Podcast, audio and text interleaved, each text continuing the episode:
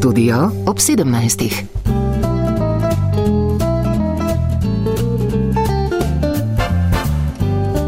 Drage poslušalke, spoštovani poslušalci, lepo pozdravljeni. Do lokalnih volitev je še slab mesec. Na nedeljo 20. novembra bomo v 212 občinah izbirali župane ali županje ter predstavnike v občinskih svetih ter svetih krajevnih skupnosti. Uradna volilna kampanja se je že začela, a v tokratni vdaji, bolj kot od njej, čeprav se jo bomo tudi dotaknili, bomo skušali osvetliti, v kakšni finančni kondiciji so občine, kako se financirajo, kakšne so pristojnosti občin, bi te veljalo spreminjati, zakaj po več kot treh desetletjih od osamosvojitve Slovenije še vedno ni pokrajin, se pravi obesne stopne lokalne ureditve med občino in državo. O težavah in izzivih občin se bom pogovarjal s predstavnikom Ministrstva za javno upravo, državnim sekretarjem Juretom Trbičem, vodjo strokovne službe Združenja mestnih občin Slovenije, dr. Milošom Senčurjem ter dr. Istoko Istokom Rakarjem z Fakultete za upravo Univerze v Ljubljani. Lepo pozdravljeni. Zdravo. Pozdravljeni. Z vami bom novinar Matija Masnak. Še pojasnilo, vabili smo tudi predstavnika skupnosti občin in združenja občin, se pravi dveh organizacij, ki formalno združujeta slovenske občine, a nam gosta, ki ne bo kandidiral na prihajajočih lokalnih volitvah, niso uspeli zagotoviti. Začel bom z vami, gospod Miloš Senčur, ki zastopate interese mestnih občin. Nedavno ste občine z državo dosegle dogovor o višini povprečnin, ta bo za naslednji dve leti 700 evrov. Ste s tem zadovoljni? Ja, kratek in jasen odgovor bi bil, da. Um, res je, seveda, da so bila potrebna eh, določena pogajanja, dva, tri krogi. Moram reči, da je aktualni minister za finance trd pogajalec, vendar obenem tudi razumen. Seveda, razumen pa eh, je do te mere, kar je razumna tudi druga stran in druga stran je tudi pokazala veliko razuma in uh, teh 700 evrov na prebivalca, kar predstavlja pač eh, poprečnina, uh, je, kot ste rekli, primern. Državni sekretar Jure Trbič, vi ste v teh pogajanjih stali na nasprotni strani 700 evrov, se pravi, kako bo ta znesek obremenil državni proračun? Torej, za začetek lahko povem, danes je bil sklep vlade na to temo sprejet. E, in res je, med e, Združenji občin in predstavniki vlade so bila kar naporna pogajanja, pa vendar prišli smo skupaj na, kot ste že povedali, 700 evrov. Kar moramo meniti je tudi do sedaj največ v zgodovini.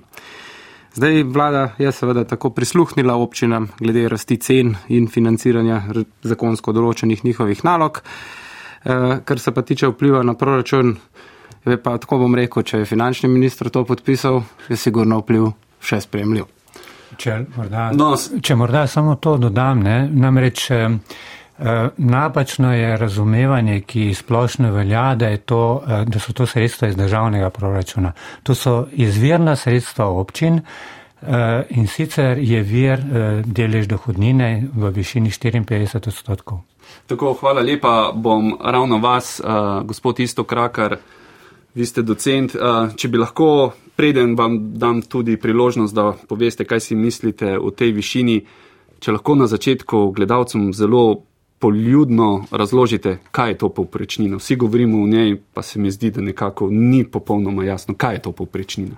Ja, hvala za vprašanje. V bistvu gre za izračunavanje, koliko sredstev rabijo občine za to, da izvajo tiste naloge, ki so jim določene za zakoni. Tako da zdaj tukaj je prvo vprašanje, katere so te naloge, potem da se ugotovi, kakšni so stroški za njihovo izvedbo in potem da se pogleda, koliko stroškov naj bi imela posamezna občina za izvajanje teh nalog.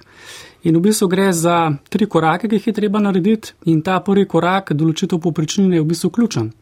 Ker ta določ a, znesek, strošek vseh a, nalog, ki, potem, a, ki se ga potem razdeli na vse prebivalce Slovenije, torej na glavo prebivalca. Potem se gre pa v drugem koraku na izračun tako imenovane primerne porabe, To pa pomeni, da se za konkretno občino določi, koliko sredstev rabi za izvedbo teh nalog. In potem, ko imamo znana sredstva za posamezne občine, se gre pa v tretjem uh, koraku izračunati, koliko virov je za to potrebnih iz katerega naslova. Če recimo sredstva iz dohodnine, ki jih je kolega Sančur omenil, uh, ne zadoščajo, in tudi tisti mehanizmi solidarnostne izravnave ne zadoščajo, se potem razlika pokrije preko mehanizma tako imenovane finančne izravnave. Vredno 700 evrov, kako se vam zdi, verjetno težko ocenjujete? Ja, res je, težko ocenam, nisem ekspert za javne finance, ampak z vidika poznavanja upravnega sistema, pa vsaj splošno bi rekel politike, lahko rečem, da so se dejansko srečali nekje na pol poti. Prvi predlog je bil tam okrog 650, občine so pričakovale predvsej preko 700, 730, 40, uh -huh. tako da so se srečali mogoče celo malo več kot na sredini v korist občin seveda. Zakaj so vprašanja za vse, zakaj so pogajanja v višini poprečnine eh, vedno tako vroča, vedno dviguje toliko prahu, mogoče za začetek vi, gospod Senčur? Ja, morda. Mm, bi bilo najboljše, če bi odgovoril, da, pogaj, da pogajanj sploh ne bi smelo biti. To je po mojem mnenju anomalija v sistemu. Uh, namreč uh, stroški občin so izmerljivi. Uh, in uh, naloge so tudi, uh, bi rekel, jasno določene, več ali manj. Eh, in sistem bi moral biti vzpostavljen na, na, na avtomatiziran način, skratka. Eh, s tem, da bi se seveda lahko pogovarjali samo o tem, katere od eh, določenih koeficijentov, ki so v formuli za izračun popričnine, bi bilo morda za izboljšati. In še, samo še to, če dodam, v Združenju mestnih občin si prizadevamo in v zadnjem času tudi obe drugi združeni, Eh, pritarjujeta temu, eh, da bi bilo zelo pravično, če bi eh, ta sistem naravnali na sistem treh kategorij občin. Rečemo, poenostavljeno manjše, srednje in pa večje, vključno z mestnimi občinami, ki bi seveda, to bi pomenilo, da tiste občine, zlasti večje, ki imajo več stroškov, poprečnina pa je povprečje in je tak nek linearni mehanizem, Eh, bi eh, seveda na ta račun eh, bližje, zmanjšali bi razkorak med dejanskim in pa izračunanim. Gospod Trbič, vi danes zastopate državo, kaj pravite o tem? Ja, definitivno so vsaka pogajanja vedno eh, srečanje različnih interesov, ne, gotovo, tako da zaradi tega tudi včasih se strasti razvnejo. Eh, bi pa povedal pravzaprav, da eh, pravzaprav ob sprejemu proračuna, ne, ko ga državni zbor sprejema, pa tudi eh, višine povprečnine za občine, je potrebno upoštevati ne nazadnje tudi splošne makroekonomske okoliščine v državi. Tako da um, v tem pogledu si seveda občine tudi delijo neko, bi rekel, širšo usodo s samo državo in zato vedno seveda še obstajajo poganjena. Pa vendar, gospod uh, Rakar, bi veljalo uh, urediti nek bolj stabilen uh, način financiranja občin. Zdaj, te v teh poprečine so lahko zelo različne. Ja, lahko, ampak jaz mislim, da sistem financiranja kot tak je stabilen. Skratka, procedure so m, mm, določene, kriteriji so določeni. Razumem pa, da prihaja do razhajanj, ampak po mojem delno tudi zato, ker je v nekaterih primerjih um, sporno, ali je to neka obvezna naloga ali ni. Namreč v nekaterih primerjih zakon izredno tega tako ne določajo in jaz mislim, da je to neka stvar, ki je potem tudi um, uh, stvar, bi rekel, um, debat in pogajanja. Strinjam se pa tudi s tem, kar je kolega Trbič rekel, ne, da um, popolnega avtomatizma ne more biti ravno zato, ker imamo kljub vsemu tudi nek uh, ustavni okvir, uh, fiskalno pravilo in splošno javno finančno situacijo, ki v bistvu terja, ne, da se kljub temu, da bi imeli nek avtomatizem, stvari uskladijo. Bom nadaljeval kar z vami, gospod Rakar. Povprečnina seveda ni edini vir financiranja občin, katere so še druge, lahko jih zelo na kratko, pa potem malo podebatiramo te. Ja, um, ni edini vir, je pa uh, zelo pomemben. Ne. Največji, ne? Uh, ja, tako. Ne. Zdaj, občine se seveda lahko tudi zadolžujejo, uh, vendar je ta vir financiranja zelo omejen. imamo stroga finančna pravila in tudi gledano z vidika podatkov, zadolženost občin ni nek javno finančni problem. Skratka, gre za okrog milijardo evrov, tako da je poprečen slovenec zadolžen za 500 evrov, imamo pa tudi nekaj izjem, ampak poprečno gledano to ni nek velik problem. Um, jaz bi rekel, da sistem, kakršnega imamo, je v redu, uh, je stabilen, um, je, bi rekel, skladen z evropskimi standardi, ki jih določa Evropska listina lokalne samoprave. Uh, moramo pa vedeti, no, da svet Evrope praktično vedno poudarja, ne, da pa še vedno bi bile pa možne izboljšave. Predvsem v vseh poročilih in tudi v teh skupnih ugotovitvah recimo poudarja, da bi bilo treba občinam zagotoviti večjo finančno avtonomijo, torej več avtonomije pri pridobivanju virov in v tem okviru še najbolj izpostavljajo davčno avtonomijo. Gospod eh, Senčur, eh, večkrat je bilo slišati, da bi večje občine, to so seveda predvsem mestne, potrebovale dodaten denar. Zakaj? Naloge so v bistvu so enake. Naloge so v večji meri enake, to je res, mestne občine imajo pač eh, neke pristojnosti, ki se razlikujejo, to izhaja iz 141. člena ustave, eh, ki pravi, da, da naj bi mestne občine upravljale tudi državne naloge, ki se tičejo razvoja mest. To je ustavno sodišče naložilo zakonodajalcu že daljnega leta 95 ali 96. Potem so bili nekateri poskusi eh, pripraviti zakon in sprejeti zakon o mestnih občin, vendar do tega ni prišlo. Eh, mi si zdaj prizadevamo, prejšnji vladi smo poslali eh, seznam predpisov, tudi s členi, s premembo zakonov, z obrazložitvami, katere so tiste naloge, za katere menimo, da bi morale biti pristojnosti mestnih občin, ker pomenijo razvojno, imajo razvojno komponento, so pa zaenkrat še državne naloge. Ampak na vaše vprašanje, kaj, zakaj več denarja, ne? Eh, Poglejte, tipičen primer ne, je naprimer odprava plačnih nesorazmeri par let nazaj ali pa eh, zvišanje plač v javnem sektorju zdaj, nedavno oziroma ki še sledi. Um, Če dam tisti primer iz eh, preteklih let, 21 milijonov je bil strošek odprave plačnih nesorazmeri, eh, ko gre za lokalni nivo. Je vsi javni uslužbenci na lokalnem nivoju. Od teh 21 milijonov jih je 11 milijonov padlo na pleča mestnih občin. Takrat, se boste morda spomnili, je bila sredi leta poprečnina zvišana, ne? Ravno zaradi tega, vendar zvišanje poprečnine nikakor ni moglo nadomestiti tega stroška, dejanskega stroška, ki so ga mestne občine imele. Ne? Kako gledate vi, gospod eh, Trbič, na to razmerje mestne občine, ostale občine? Ja, zdaj eh, seveda iz strani mestnih občin so te pobude. Ehm, dejstvo je, da so to pravilo mal večje občine, ki eh, potegnajo tudi iz okoliških občin, torej v svoje centre, eh, tudi seveda ljudi in imajo nekako tudi več poslov in več priložnosti za, za, za posle. Uh, bi pa mogoče dopolnil še to, da so tri viri financiranja, ne, poleg že prej omenjenih lastnih, tudi neka transferna državna pa evropska sredstva in kot že prej omenjeno, omejeno pa vendar zadolžitev. Tako da, um, kar se pa tiče teh različnih kategorij občin, no, bi lahko rekli, da je tako pri nas kot pri uh, večini držav uh, je sistem lokalne samouprave z eno kategorijo občin in tudi pri nas se mestne občine praviloma ne razlikujejo po pristojnosti od navadnih.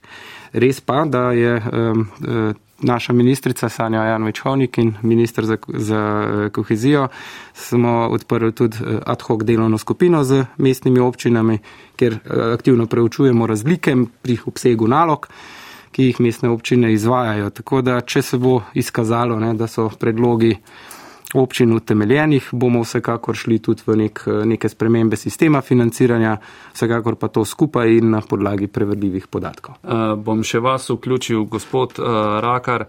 Uh, Pa vendarle, nekateri viri, ne, pa večje občine, pa mestne občine, lažje jih dobijo. Recimo, tu mislim na črpanje evropskih sredstev, ne, kjer imajo recimo bolj, boljši strokovni kader, več strokovnega kadra, potem tudi lažje um, zalagajo denar ne, za lazne projekte kot neka majhna občina. Zdaj, kako vi gledate na vse to, gospod Rakar? Jaz bi tukaj še eno stvar odprl, no, ki se mi zdi zelo relevantna z vidika pogovorov med državo pa med občinami glede financiranja. V bistvu bi pohvalil državo, da je začela sistematično zbirati podatke in analizirati a, vire, s katerimi se financirajo občine. Namreč a, zdaj sta bila končana že dva ciljna raziskovalna projekta, v katerih so za kar dolgo časovno vrsto šli od občine do občine skozi vse vire gledati, katere prihodke in v kakšnem obsegu so recimo občine pridobivale. Ne. Tako da a, tam je bilo kar nekaj zanimivih ugotovitev in a, meni se zdi tak način, ne, da se res sistematično zbere podatke, preden se gre potem karkoli spremeniti v sistemu, edin pravilen. So občine zelo različno uspešne pri črpanju teh sredstev? So. so.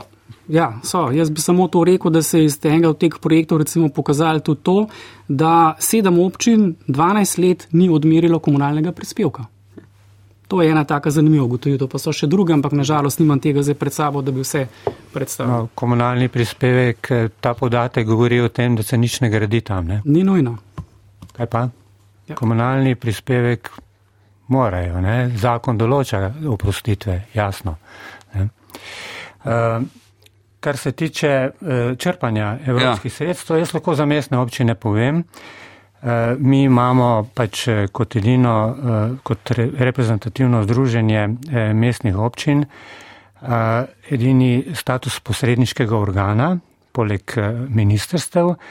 In um, smo bili, bili seveda vključeni v pripravo in tudi izvajanje tako zvanega CTN mehanizma, to so celostne teritorijalne naložbe. Uh, in mestne občine so iz tega naslova uh, investirale in zgradile pomembne, uh, pomembne investicije, recimo Ljubljana, cukrarna je tak primer, ne? in še bi lahko seveda naštevali po občinah. Skratka, in ko gre za realizacijo te perspektive, ki se izteka, lahko rečem, da smo že um, blizu stotim odstotkom. Uh, bom zdaj tu navezal. Ne? Nedavno sta EU in Slovenija dosegli programski dogovor, uh, no, so te vsebine uh, prilagojene interesom in potrebam občinam. Vprašanje za vse. Kako komentirate, gospod Senčur? Zdaj, kar se tiče Uh, a mislite na glede, uh, glede nove perspektive? Tako. Ja, pogledajte, jaz spet lahko rečem za ta mehanizem uh, celostnih teritorijalnih naložb, ne, ki bo tudi v novi perspektivi, um, veliko več sredstev bo, približno 166 milijonov. Sicer bo nekoliko drugačna razdelitev med vzhodno in zahodno regijo, uh, nekaj več v korist vzhodne par odstotkov, pa vendar. Ne. Dobro, treba je tukaj upoštevati če inflacijo in pa rekel, situacijo, kakršna je, ne, ker, ker, se, ker se eh, gradbene in druge storitve močno, pa energenti eh, dražijo, da, ampak nekje približno kot v sedanji perspektivi. Gospod Trbič, zdaj, ko ni dobenega iz ostalih dveh družen, ki bi zagovarjali interese teh ostalih občin, ne mestnih, ne, Večkrat te majhne občine upozarjajo, da država pri črpanju evropskih sredstev premalo pomaga, predvsem pri zagotavljanju obveznih lastnih sredstev. Ne? Kaj boste storili tu v prihodnje? Ja, naj se navežem še na prejšnjega govornika. Ne? Pravzaprav tako lahko zatrdim, ne? državni organi zagotavljajo, zagotavljamo stalno strokovno podporo občinskim organom, ker drugega orodja pravzaprav nimajo. Zdaj, Kaj pa pri zagotavljanju teh ja, lastnih sredstev? Se pravi, moramo ne, ustavno avtonomijo slovenske lokalne samouprave, samouprave, zato dejansko taki neposredni posegi niso ravno najboljše. Ne. Bi pa upozoril na to, da, če, da se tako izrazim, neenaka upravljavska sposobnost, torej različna sposobnost tudi črpanja ne na zadnje evropskih sredstev, je en od res velikih izzivov slovenskih občin. Namreč se pravičujem. Vidimo, da pri enakih pogojih, približno enako velike občine, pri enih razvojnih projektih so precej bolj uspešne od drugih in da v bistvu velikost občine kot taka ni, ni nujno tisti eh, element, ki vpliva na to. Eh, Naprimer, zadnji tak en dokaz sta dve študiji o davčnih pa kapitalskih virih slovenskih občin, ki jih je dr. Rakar omenil, iz katerih izhaja isti sklep. Ne? Torej, pozor, iste občine so vedno bolj uspešne pri, tako pri ubiranju lastnih virov in kapitalskih prihodkov, in na eni drugi strani imamo skupino občin, ki to ni. Zdaj ne vemo še, kaj je temu pravzaprav vzrok, ker sta obe skupini občin znotraj sebe tako po neki politični pripadnosti vodstva ali velikosti zelo raznoliki. In žal tu še nimamo točnega odgovora, no, ampak eh, definitivno pa še posebej Ministrstvo za javno upravo in služba za lokalno samoupravo nudi vso strokovno podporo občinskim organom. Gospod Rakar, tu ste želeli dodati. Ja, to z vsem tem se strinjam in hvala kolegu Trbiču, da je še te podatke povedal v zvezi z raziskovalnimi projekti. Glede teh kapacitet je pa tako, no, kolikor jaz spremljam aktivnosti občin, teh združenj so zelo aktivna v smislu usposabljanja uslužbencev in podobno. Tako da tukaj se mi zdi stvar dobro zastavljena. Bi pa dve novi stvari povedal, ki sta relativno aktualni. Namreč Evropska komisija je za leto 2023 dala prav v svoj načrt dela tudi podporo javnim upravam držav članic. In znotraj tega so pa oblikovali tako imenovane vodilne projekte tehnične pomoči državam članicam. In tu imamo pa tri take sklope projektov in prvi, ki se mi zdi zelo pomemben tudi za lokalne skupnosti, v mogoče malo širšem kontekstu, je podpora na področju digitalizacije lokalnih in regionalnih oblasti. Drug tak projekt podpore je možnost izmenjave, torej da grejo javni službenci iz ene države za nekaj časa na nek študijski obisk v neko drugo državo. In tretji tak vodilni projekt podpore, ki je na voljo, je recimo usposabljanje na področju javnega naročanja.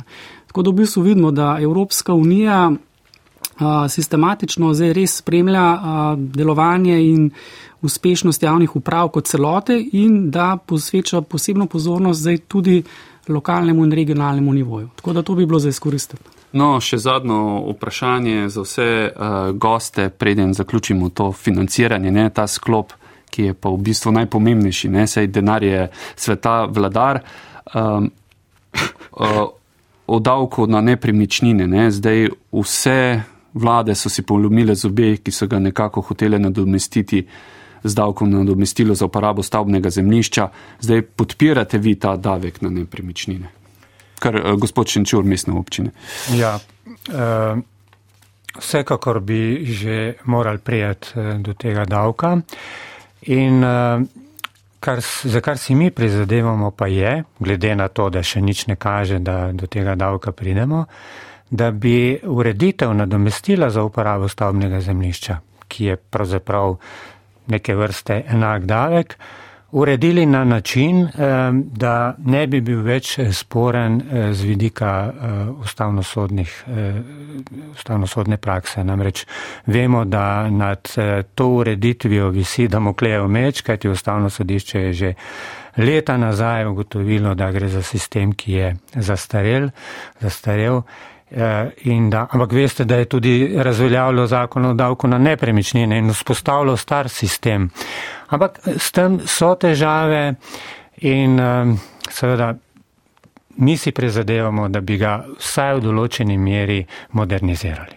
Gospod državni sekretar Jure Trbič, davek na nepremičnine, kdaj, kako? Ja, eh, kot že. Vi imate zvode. Prav res. Eh, kot je že eh, predhodni govornik povedal, ne, eh, obstoječe stanje v bistvu ni več dobro. Sicer eh, zgodovina je pač pokazala svoje, tako da podob, bom rekel tako podobno kot eh, uvedbo pokrajin je to en izmed sigurno dolgoročnejših ciljev, ki jih bo država morala, tega morala načetno. Še, še pridemo. Uh, uh-huh.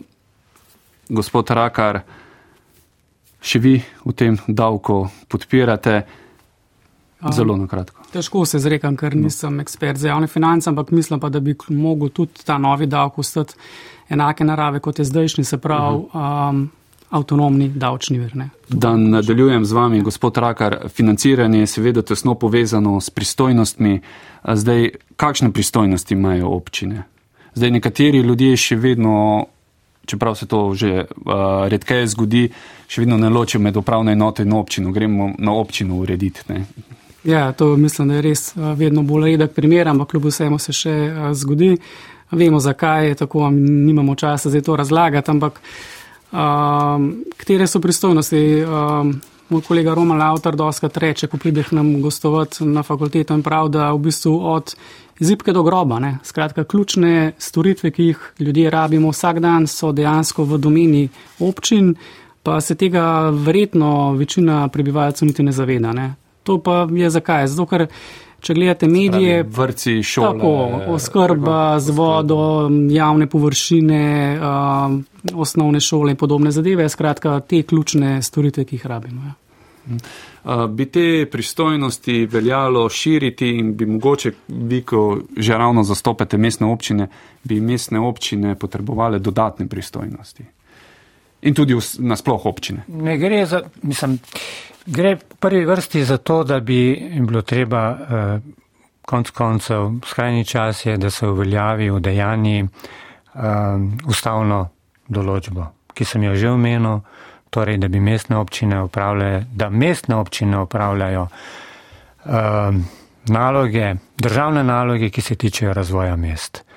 Eh, naš Slovenija ni urba, preveč urbanizirana država. Ne?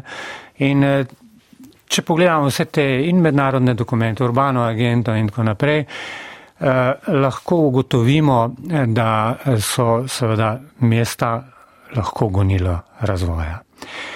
In z tega vidika se mi zdi potrebno pač, da se pristopi k Um, uveljavitvi te ustavne določbe. Ne? In ne nazadnje, kot sem že omenil, že ustavno sodišče je pač to naložilo zakonodajalcem.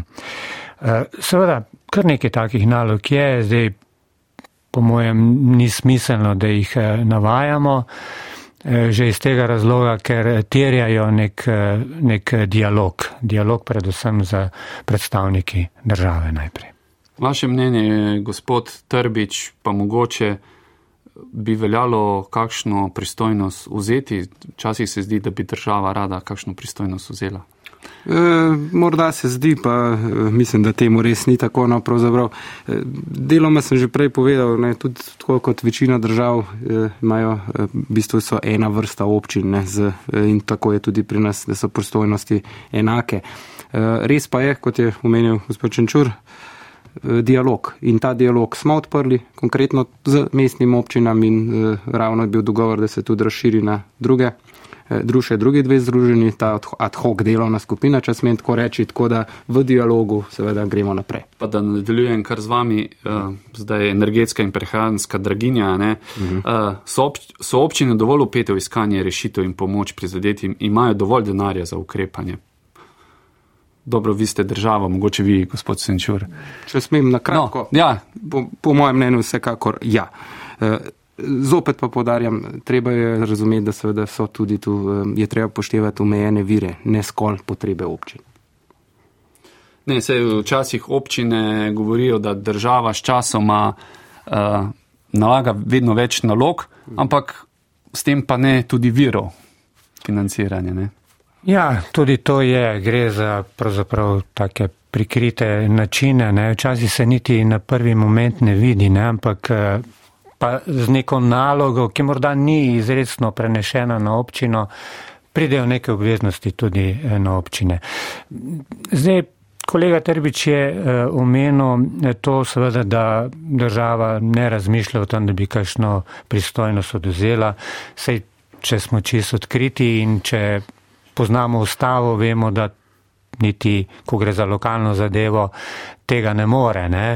E, kratka, mora imeti e, zadnji neke močne argumente, ampak spomnil sem se, kolega isto, ki je omenil skrbo s pitno vodo. Vi veste, da smo spreminjali ustavo, dodali smo 70. člen kjer je formulacija, da pač skrbi zagotavlja država neposredno preko občin. In Glega zlomka, zdaj eh, Ministrstvo za okolje in prostor, zlasti tisti direktorat, ki je pristojen za to področje, je pripravil predlog zakona o varstvu eh, gospodarskih javnih službah z področja varstva okolja in tam je mirne duše zapisal, da je oskrba s pitno vodo državna naloga, ki jo bo država prenesla v izvajanje občinam.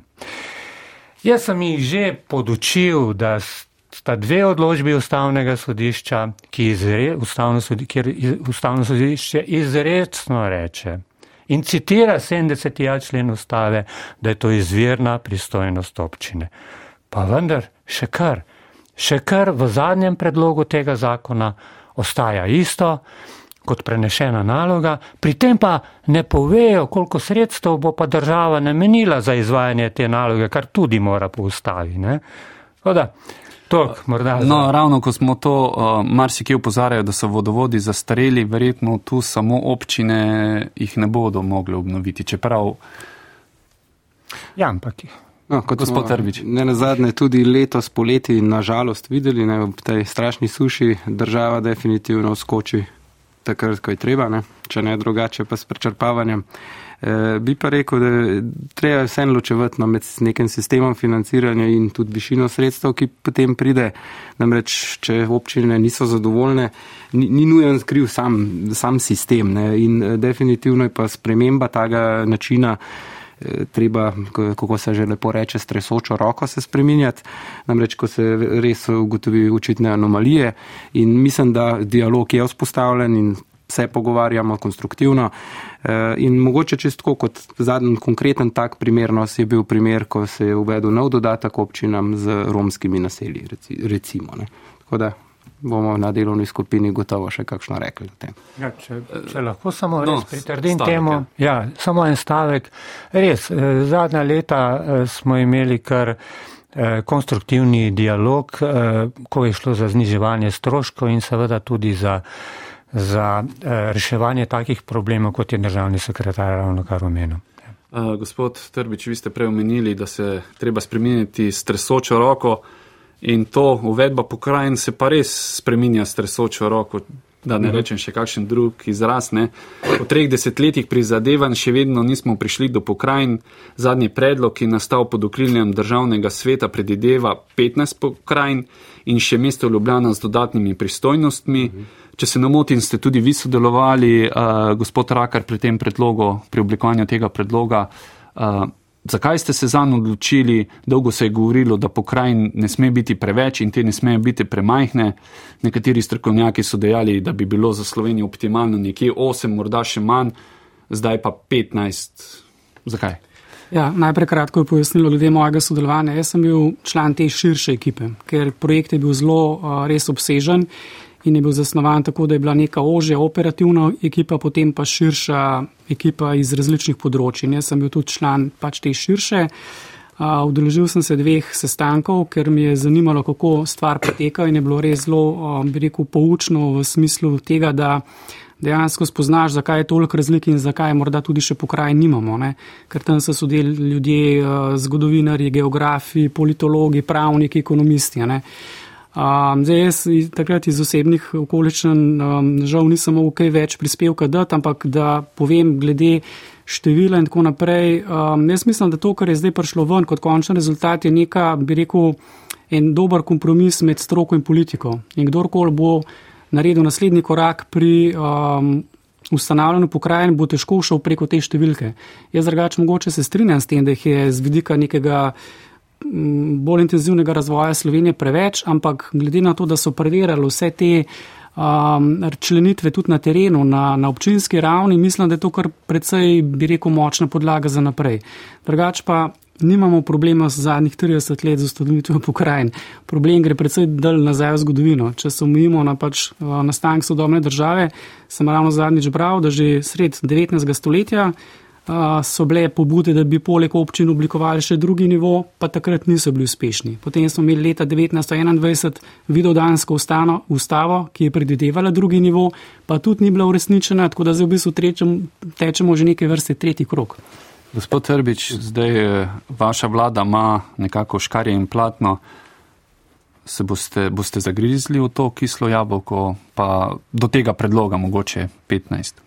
Ja, eh, lahko rečem, da je vlada dr. Roberta Goloba zagrizla že sedaj v precej kislih jabolk, med no. drugim seveda znam tudi eh, ne, plačni sistem. Ampak, če se povrnemo k pokrajinam. Torej, eh, zdaj zadnjega predloga ustanovitve pokrajin, kot, predlag, kot ga je predlagal državni svet, eh, vlada ne podpira. Namreč, Zakaj? Zato, ker predlog kot tak po naši oceni ne sledi ustavni zamisli o pokrajini kot generatorju razvoja. Namreč, da je lahko neka entiteta, to mora biti po našem mnenju manj in mora imeti zadostno prebivalstveno in predvsem s tem fiskalno kapaciteto, torej da se lahko na zadnje tudi financira. Namreč, dodaten razlog pa je, da poseben položaj nekih večjih urbanih centrov mest v tem primeru bi pomenil tudi zapiranje v te manjše meje ker ne na zadnje problemi so regijske narave in segajo čez te meje. Torej, kako naj rešujejo se regionalni problemi, če pa eh, pravzaprav to mesto potem oziroma preko te meje nima svojih pristojnosti, se retorično lahko vprašamo. Dejstvo je recimo, da tipično dnevne migracije ljudi in pločevine avtomobilov v regionalna središča po celi Sloveniji niso le mestni, ampak so pravzaprav širši regionalni problem. Tako da to so bili glavni razlogi. Lahko pa povem, no, da sta na to temo tako predsednik vlade kot eh, naša ministrica na srečanju s pomorskimi župani eh, pred kratkim izpostavila, da vlada definitivno si prizadeva za pospešen razvoj, tako vseh regij še sedaj, kot ne nazadnje tudi te ideje, pa vendar ocenjujemo, da bo regionalizacija ob trenutnih vseh izzivih, predvsem, kot ste že sam prej omenil, energetska, draginska kriza, pa tudi ne nazadnje svetovna varnostna kriza, pardon, ta zgodba težko ravno med top prioritetami takoj naslednjega leta. Vsekakor pa nam je seveda v fokusu. Uh, rekli ste 15 preveč, koliko potem? Verjetno je težko ja. najti en kompromis. Ja, ja, zdaj točno številko je pravzaprav, mislim, težko reči, zdaj le sploh pa sedaj, ampak dejstvo je, da um, predlog zakona, kot je bil ruš sistem državne uprave, kot jo poznamo Gospod, in če ni alternative, ne, ne gre. Gospod Milos Senčur, uh, kako vi gledate na to, ali pokrajin sploh uh, potrebujemo? Se strinjam. Uh, Glede na to, takšnih, da je že toliko. Takšnih, kot so predvidene s tem predlogom, ki ga je vložil državni svet, nikakor ne. Mi smo eh, v strokovni službi združenja smo temu odločno nasprotovali. Namreč že sama, eh, sama eh, predlogi pokrajinske zakonodaje so nomotehnično slabi in tudi sicer kakovostno slabi. Da ne govorim o tem, da brez kakšnih posebnih obrazložitev, zgolj prepisi členov, tako da z tega vidika. No, kar se tiče pa čisto vsebine. Ne, uh, veste, mi pre, preden se pogovarjamo o številu pokrajin, se moramo pogovarjati res o nalogah. O pristojnostih. Ja. O pristojnostih. Mm, In zdaj samo vprašanje. primer pogledajte. Če pogledate predlog zakona, boste videli, da je delež prenesenih nalog iz države na pokrajino, kar pomeni, da jih država še vedno obdrži zase, samo pokrajine jih izvajajo, bistveno večji kot je delež izvirnih nalog pokrajine. Torej, pokrajina je zamišljena zgolj kot podaljšek države. Nek lepoten popravek. Osnovni namen je zgrešen. Uh, zdaj, ko smo že ravno pri pristojnosti, gospod Senčur, uh, katere pristojnosti pa bi veljalo, če že če bi nekoč šli v pokrajine iz države na pokrajine in potem tudi seveda iz občin na pokrajino. In potem takem, a bi kakšno vlogo bi, bi imele občine v tem sistemu, verjetno manjšo.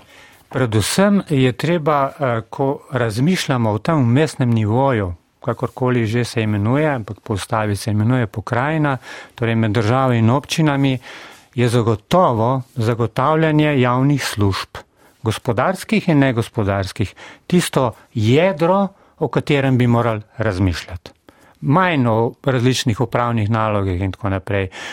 Če pogledamo predlog te pokrajinske zakonodaje, vidimo, da so želeli samo seliti uh, upravne, no, iz upravnih enot narediti pokrajinske enote, kar je samo še naprej vzpostavljanje nekega dvoternega sistema. Uh, Eh, s tem, da bi bil ta sistem še dražji in manj kakovosten od tega. No, skratka, javne službe so tisto, kajti treba se zavedati, da je Slovenija zelo raznolika država, geografsko, hidrološko in tako naprej in to moramo graditi iz teh osnov, teh spoznanj. Gospod uh, Rakar, uh, pokrajine, zdaj, katere naloge bi po vašem mnenju veljalo prenesti na pokrajine in mogoče primerjalno, kako bi lahko prišli do nekega združevanja? Ja. V Sloveniji se to zdi misija nemogoče. Ja, se razlogov je več. V bistvu prvi razlog je bil na začetku v ustavni določbi, ne, ki je bila nejasna sploh glede tipologije teh širših skupnosti. Ne. Prvotni člen ustavni je govoril, da se občine povezujejo v širše skupnosti, tudi pokrajine. Ne. Se pravi, kaj so zdaj tiste primarne, so pokrajine za neka druga potencijalna možna oblika. Pa sam pristop, ne, po tisti prvi določbi ne bi se občine same dogovorile, se pravi, ne bi se od spode gor gradile pokrajine. A potem, ko so ugotovili, da to ne bo šlo, se je ustava spremenila, ampak tudi to nekaj dosti pomagalne. Zdaj smo imeli v bistvu dva poskusa po tej spremembi ustave. Prvi je šel nekako v tej smeri, da se je najprej izhajalo iz pristojnosti pokrajin, pa so potem prišli do števila in se pri številu zalomil in stvar ni bila sprejeta. Zdaj ta drug, kot sem jaz razumel, je pa štartov iz tega, da imamo najprej določiti nekako število pokrajin, da tle ne bo problema, ker se je vedno zalomil pri številu, pa bi potem nekako določili pristojnosti. Ne. Ta pristop, po moje, pa ni dober z tega vidika, kot smo prej ugotavljali. Ne. Če je smisel pokrajin, da so neki generatori razvoja, da so močne, pa je treba najprej zdefinirati pristojnosti. Zdaj, katere to so, bi. Nimamo časa to razlagati. Uh, mogoče samo ja. to pod vprašanje, kje vi vidite mogoče uh, dodano vrednost pokrajine, recimo v drugih državah, ki jih imajo? Kje je ta dodana vrednost? Ja, lejte, to je odvisno od njihove, uh, bi rekel, velikosti, ne?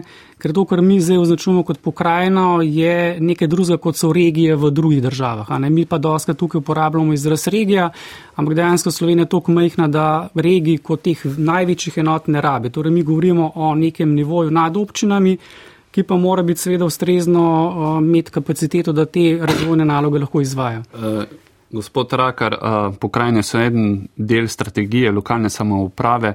Po vašem mnenju, kam bi se mogla razvijati in ali ima država strategijo? Ja, zdaj, kolikor jaz vem, se je tista strategija nadaljnega razvoja iztekla, torej časovni okvir je bil od leta um, do 2020. Do 2020, ja, hvala lepa.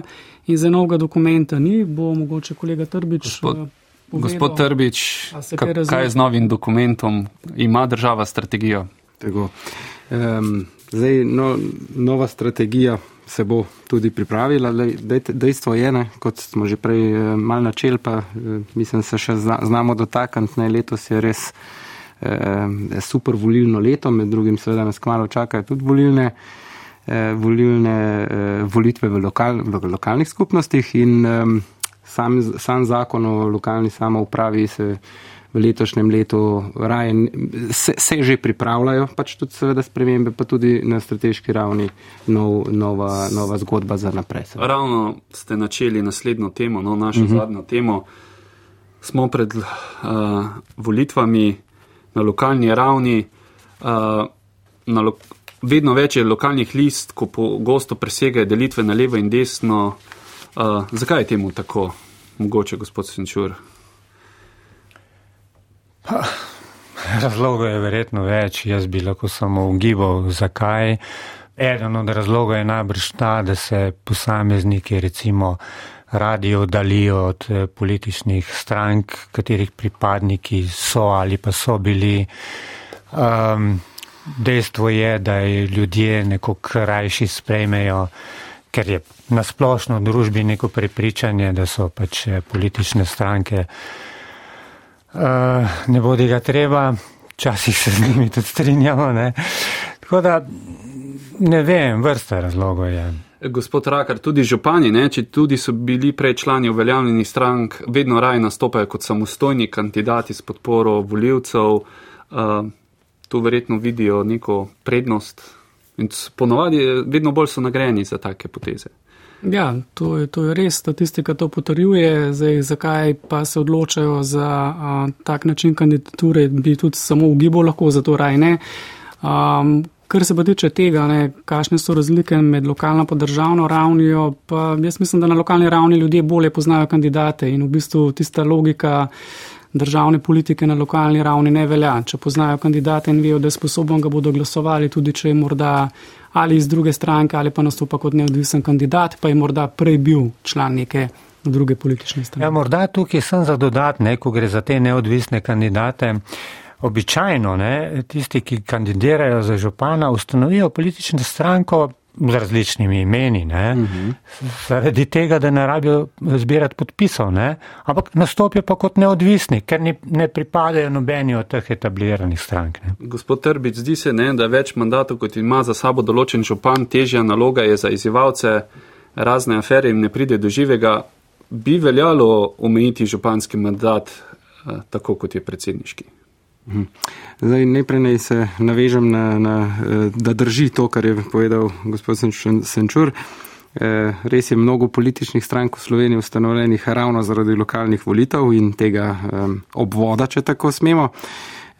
Res je, mnogo jih je neodvisnih in uh, zaenkrat uh, mandat ni omejen. Zdaj, če bomo šli, če bo se bomo šli v določene te trenutno neposredni posegi v v, v, te, v, v tej pristojnosti niso predvideni. Eh, lahko pa rečem, zdaj letos, ne, ko smo se dotaknili že volitev, ne, eh, ne glede na to, da letos pač je tako zvano super volilno leto, ogromno volitev, ne, pa še državni referendumi in podobno. Eh, mislim, da ljudje še posebej po te COVID travmi no, zadnjih let skozi bolj razumemo pomembnost iti na volitve in preveriti, koga volimo, kajti to so pravzaprav res ljudje, ki odločajo o naših življenjih. Ne na zadnje, vsi smo to doživeli. Ne? Gospod Trbič, uh, vedno se je, uh, spet se je pojavila ta pobuda, da bi odpravili nezdružljivo županske in poslanske uh mhm. -huh. funkcije. Kakšno je stališče države? Res je. Um, dobrih deset let no, se je ta, ta dvojnost pravzaprav. Uh, prepovedala oziroma ukinila in letos je zopet prišla ta pobuda, vlada je tem, proti temu, kajti eh, zastavlja se tu veliko, veliko težav, tako nasprotje interesov eh, in ne nazadnje tudi vprašanje, kako pa lahko pravzaprav človek opravlja dve tako pomembni funkciji hkrati kakovostno.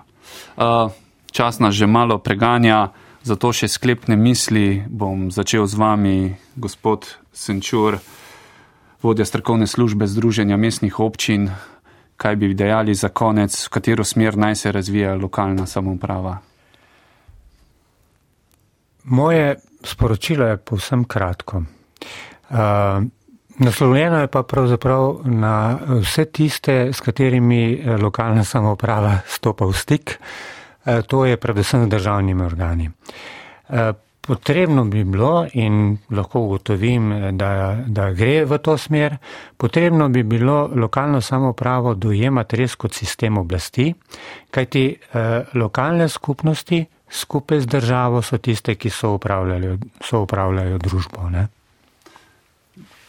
Hvala, doktor Isto Krakar z fakultete za upravo, vaša sklepna misel. Jaz bi pa mogoče malo presenetljivo, ampak kljub vsemu rekel tako, ne, da ne, ne gledamo samo, kaj država lahko naredi za občine, ampak naj občine še same poiščejo možnosti, da se okrepijo, tako finančno kot uh, z drugimi uh, resursi, čeprav vem, da temelje, okvire nekako določa država in plačni sistem in uslužbenski sistem, ampak kar nekaj primerov iz prakse kaže, da se da in bi to dal kot spodbudo. Državni sekretar Jure Trbič, zadnja beseda je vaša. Tako, strinjam se v bistvu z eh, dr. Rakarjem tule. Um, dejstvo je za oba, za obe ravni no velja, da bolj kot v okviru ustvariš pogoje za rast, bolj bo raslo. Bom pa vseeno izkoristil še sklepno misel, da se navežem naprej in, in vseeno povabim ljudi, da se odeležijo volitev, kajti to je res ključnega pomena. Tako, tukaj bomo naredili piko. Toliko o tej temi, ki je široka in vse čas aktualna za tokrat. Gostom Juretu Trbiču, Milošu Senčurju in Isto Korakarju se za sodelovanje najlepše zahvaljujem, pa tudi vam, drage poslušalke in poslušalci, in vas vabim, da ste z nami ob tem času tudi jutri, ko bo na vrsti tedenski aktualni mozaik.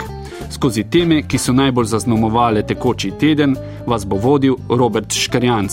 Od vas se poslavljamo urednica Erika Štular, tonski mojster Blaž Kumše in Matija Masnak. Naslišanje.